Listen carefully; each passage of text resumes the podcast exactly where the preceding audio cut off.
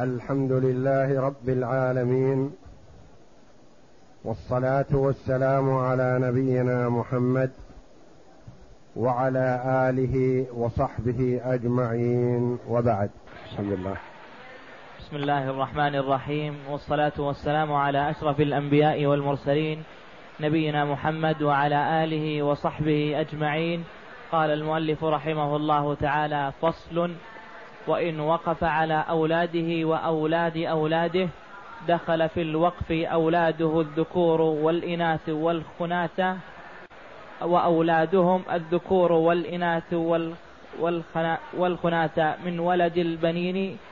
فأما ولد البنات فقال الخرقي لا يدخلون لأنهم لم يدخلوا في قوله سبحانه وتعالى يوصيكم الله في أولادكم. ولا يدخلون في الوقف على ولد فلان وهم قبيلة فلا يدخلون ها هنا. ولأنهم إنما ينسبون إلى قبيلة آبائهم دون قبيلة أمهاتهم. وقال أبو بكر وابن حامد يدخلون في الوقف لأنهم أولاد أولاده.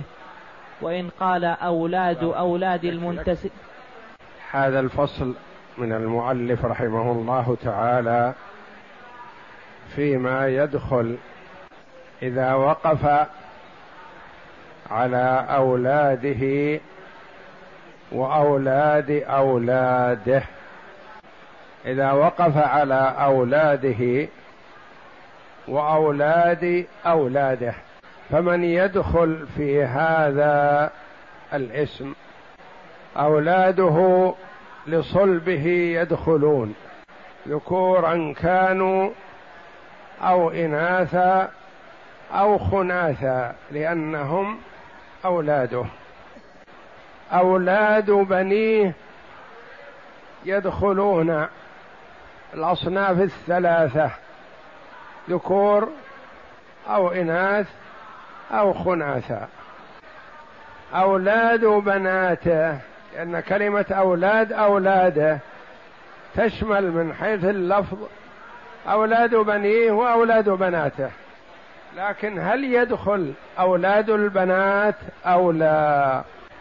يقول الخراقي رحمه الله صاحب المختصر الذي عليه المغني شرحا له وشرح شروحات كثيرة من عدد من أئمة المذهب لأنه مختصر مفيد جامع مع اختصاره فاحتيج إلى شرحه.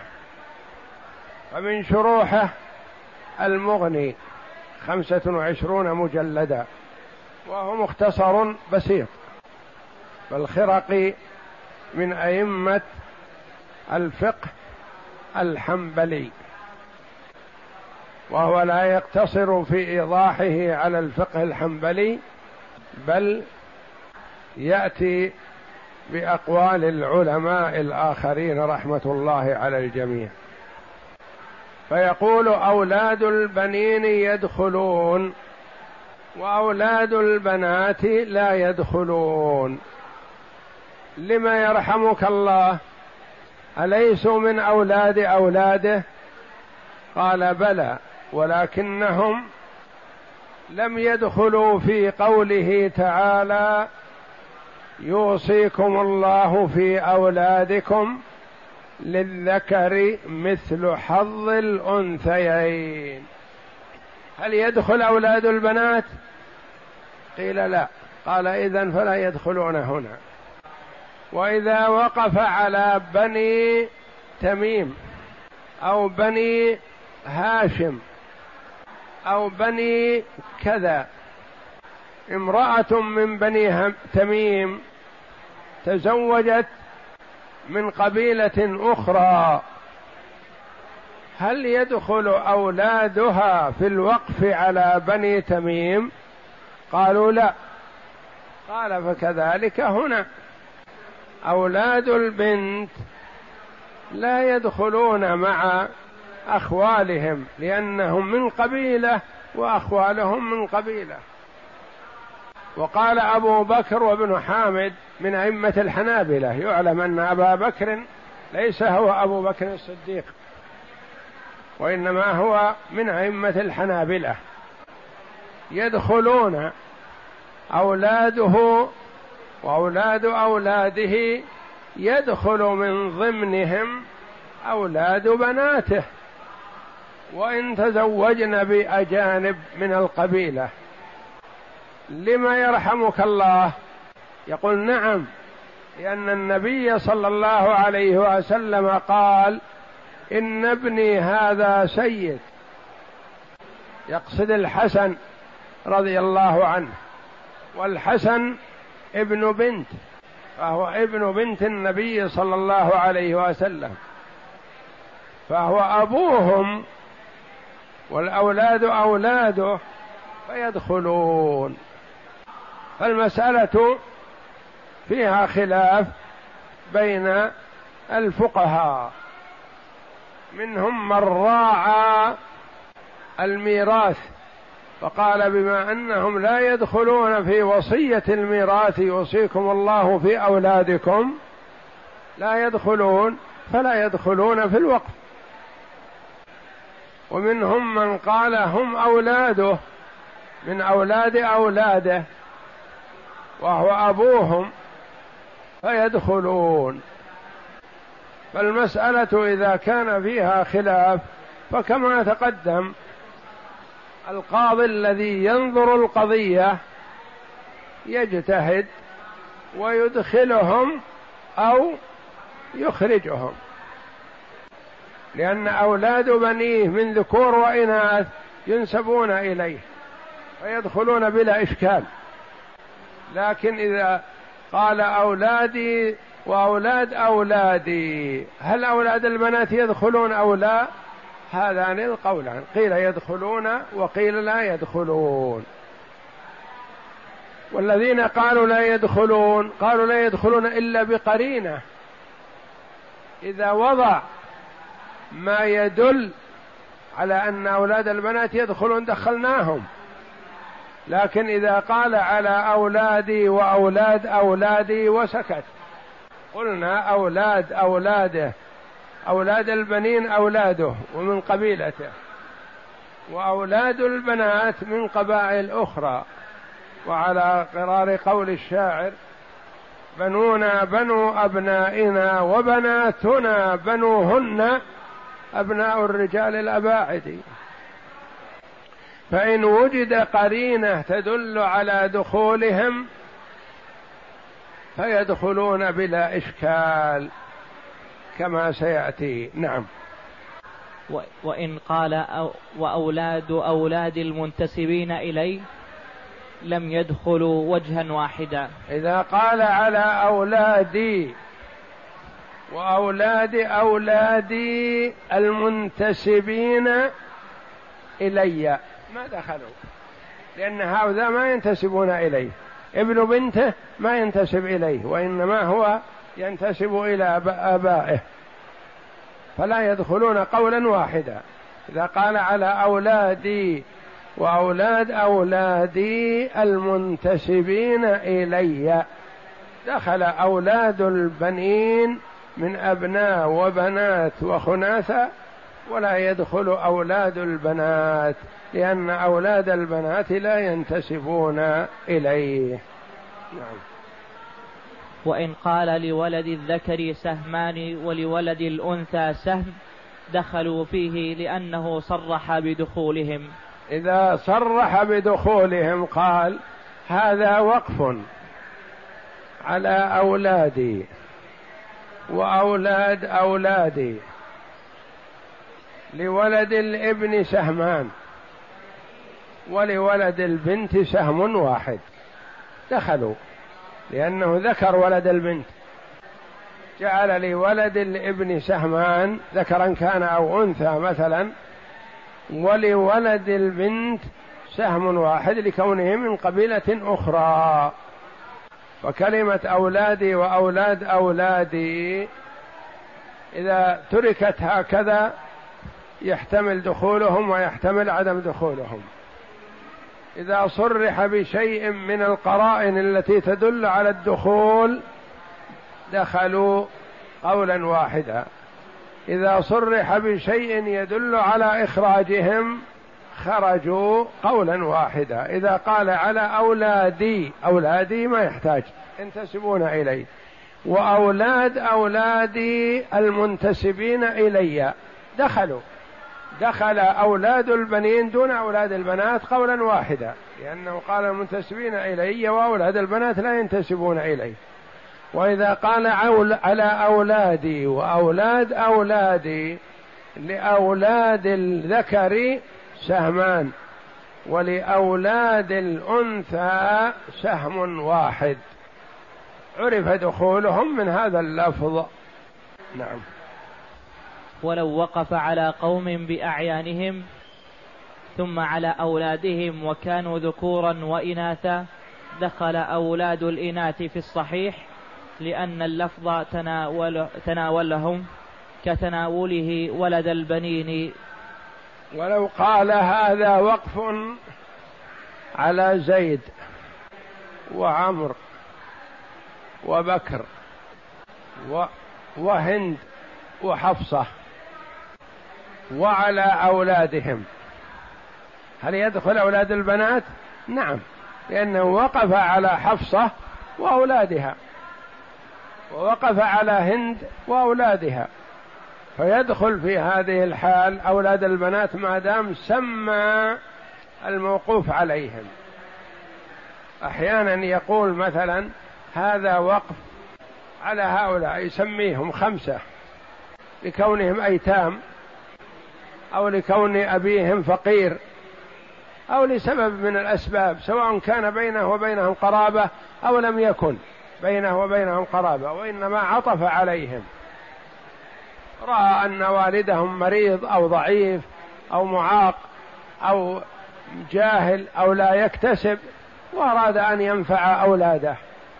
فقال وقف على بكر ومحمد وعمر وهند وحفصة. أولاد فلان بن فلان. وعلى أولادهم. دخل أولاد البنات كما يدخل أولاد البنين. يقول على الصحيح وهذا هو الصحيح. فقال على فلان وفلان وفلانة وفلانة وأولادهم. دخل أولاد فلانة وفلانة. من أي القبائل كانوا؟ نعم. وإن كان جميعهم إناثا دخل فيه أولادهن لأن لفظه نص فيهم. وإن كان جميعهن إناث قال وقف على هند وحفصة وسعاد وكذا وكذا مجموعة من البنات وعلى أولادهن. دخل أولادهن بلا إشكال لأنه إن كلهن إناث. فصل. وإذا شرك بين الولد وولد الولد بالواو اشترك الجميع فيه. هذا فيما إذا شرك بالواو أو شرك بثم أو بالفاء يختلف الحال. أحيانا يأخذ الشخص من الوقف وأبوه وجده وابنه وابن ابنه خمسة يأخذون جميع من الوقف. وأحيانا لا يأخذ إلا الأول ثم إذا فقد أخذ من بعده. وأحيانا لا يأخذ إلا أصحاب البطن الأول ما دام باقي واحد منهم فلا يأخذ أصحاب البطن الثاني حتى يفنى هذا. فيخطئ بعض الناس في صيغة الوقف فيحرم عددا من المحتاجين للوقف في أمس الحاجة وتستلمه عجوز كبيرة ما تحسن التصرف في الدراهم أو يستلمه شيخ هرم ما يحسن التصرف ولا ينتفع بها. ما دام موجود من بعده محرومون واحيانا يسوى بينهم. التشريك يختلف بالواو أو بثم. إذا قال انتبه على أولادي وأولادهم وأولاد أولادهم ما تناسلوا. شمل الجميع. وإذا قال على أولادي ثم على أولادهم ثم على أولاد أولادهم ما تناسلوا. فهذا الأول تشريك. قد يشترك الخمسة المرء وأبوه وجده وابنه وابن ابنه من الوقت. إذا قال على أولادي وأولادهم وأولاد أولادهم ما تناسلوا. فإذا خلت الأرض منهم يكون وقفا على بيت الله الحرام أو على المساجد أو على الفقراء والمساكين أو على طلبة العلم حسب ما يخصصه. هذا يشترك فيه الصغير والكبير الأب والابن والجد والحفيد. وإذا قال على أولادي ثم على أولادهم. على أن من مات منهم آل نصيبه إلى من بعده من ذرية من ولده. هذه صورة. أو قال على أولادي ثم على أولادهم. هذه صورة أخرى. إذا قال على أولادي ثم على أولادهم ما يأخذ أولاد الأولاد شيئا ما دام بقي من الأولاد واحد. خلف عشرة أولاد ولهم بنون وبنات كثير. يعطى الوقف لهؤلاء العشرة. مات واحد يكون للتسعة. مات واحد يكون للثمانية. مات التسعة يأخذه واحد العاشر. مات العاشر ينتقل إلى أولاد الأولاد. إذا قال على أولادي ومن مات منهم انتقل نصيبه إلى ولده. عشرة. مات واحد من العشرة ينتقل نصيبه إلى ولده. أولاد التسعة البقية ما يأخذون شيء وإنما أولاد الميت يحلون محل أبيهم. مات الثامن والتاسع والسابع ينتقل. نصيب كل واحد إلى ولده. أولاد العاشر الأخير ما يأخذون شيئا ما دام أبوهم حي. فإذا مات أبوهم انتقل نصيبه إليه. إذا قال على أولادي وأولادهم. وأولاد أولادهم ما تناسلوا. أخذ الولد وأبوه وجده وابنه وابن ابنه بحسب لأن الواو تقتضي التشريك يشرك بينهم. وثم والفاء تقتضي الترتيب. وإذا شرك فصل. فصل وإذا شرك بين الولد وولده وال بين الولد وولده الولد ال... ال... وولد الولد. وولد الولد. وإذا شرك بين الولد وولد الولد بالواو اشترك الجميع فيه. وإن اشترك الجميع فيه. كل من ينتسب إليه يأخذ نصيبه. نعم. وإن رتب فقال على أولادي ثم على أولادهم. أو قال الأعلى فالأعلى أو الأقرب فالأقرب وجب ترتيبه. وجب ترتيبه كذلك. إذا قال على أولادي ثم على أولادهم. ما يأخذ أولادهم شيء ما دام موجودين. أو قال على أولادي أو الأقرب فالأقرب. البطن الأول يأخذون البطن الثاني ما يأخذون. أو قال الأعلى فالأعلى مثله. الأبناء ما يأخذون مع الآباء لأنه رتبهم. نعم. وإن رتب بطنين ثم شرك بين الباقين أو شرك بين بطنين ثم رتب بين الباقين فهو على ما فهو على ما شرط.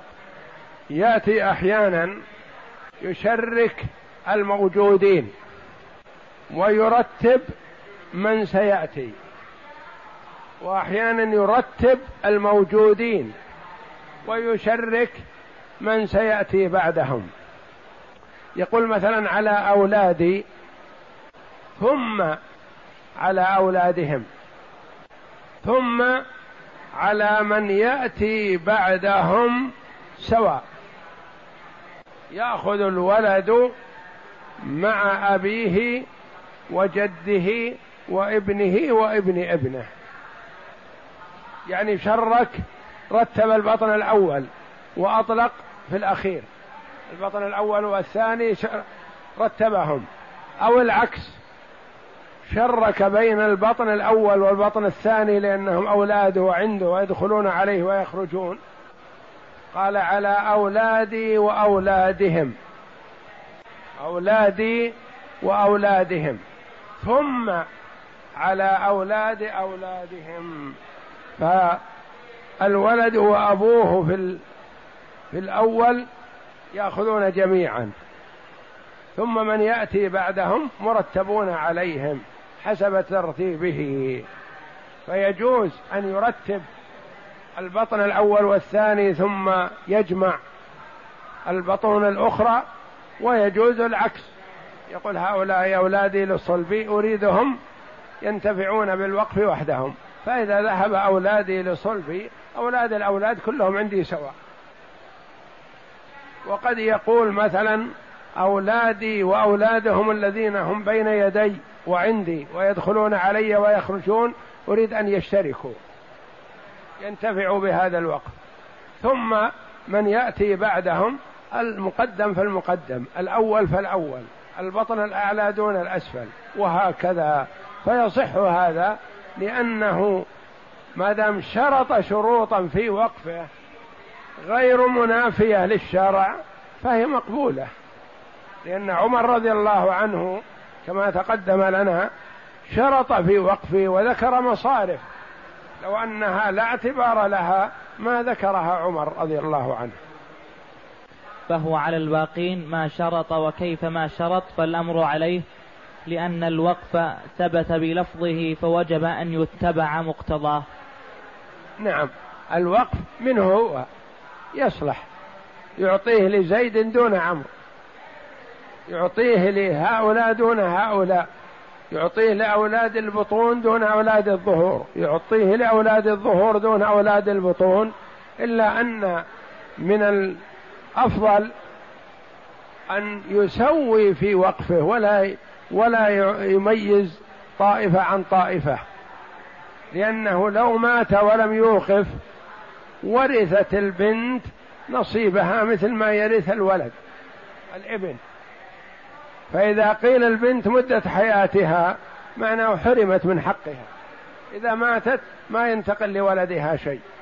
والوقف على أولاد الظهور دون أولاد البطون هذا في حيف. وربما يدخله التحيل على قسمة الله. لأن الله جل وعلا قال يوصيكم الله في أولادكم. خلف مثلا عشرة أبناء وعشر بنات. الولد يأخذ ألفين والبنت تأخذ ألف. ثم نصيب البنت يؤول إليها وإلى ولدها. ونصيب الإبن يؤول إليه وإلى ولده. فإذا قال لأولاد الظهور دون أولاد البطون معناه أن البنت ما أخذت نصيبها.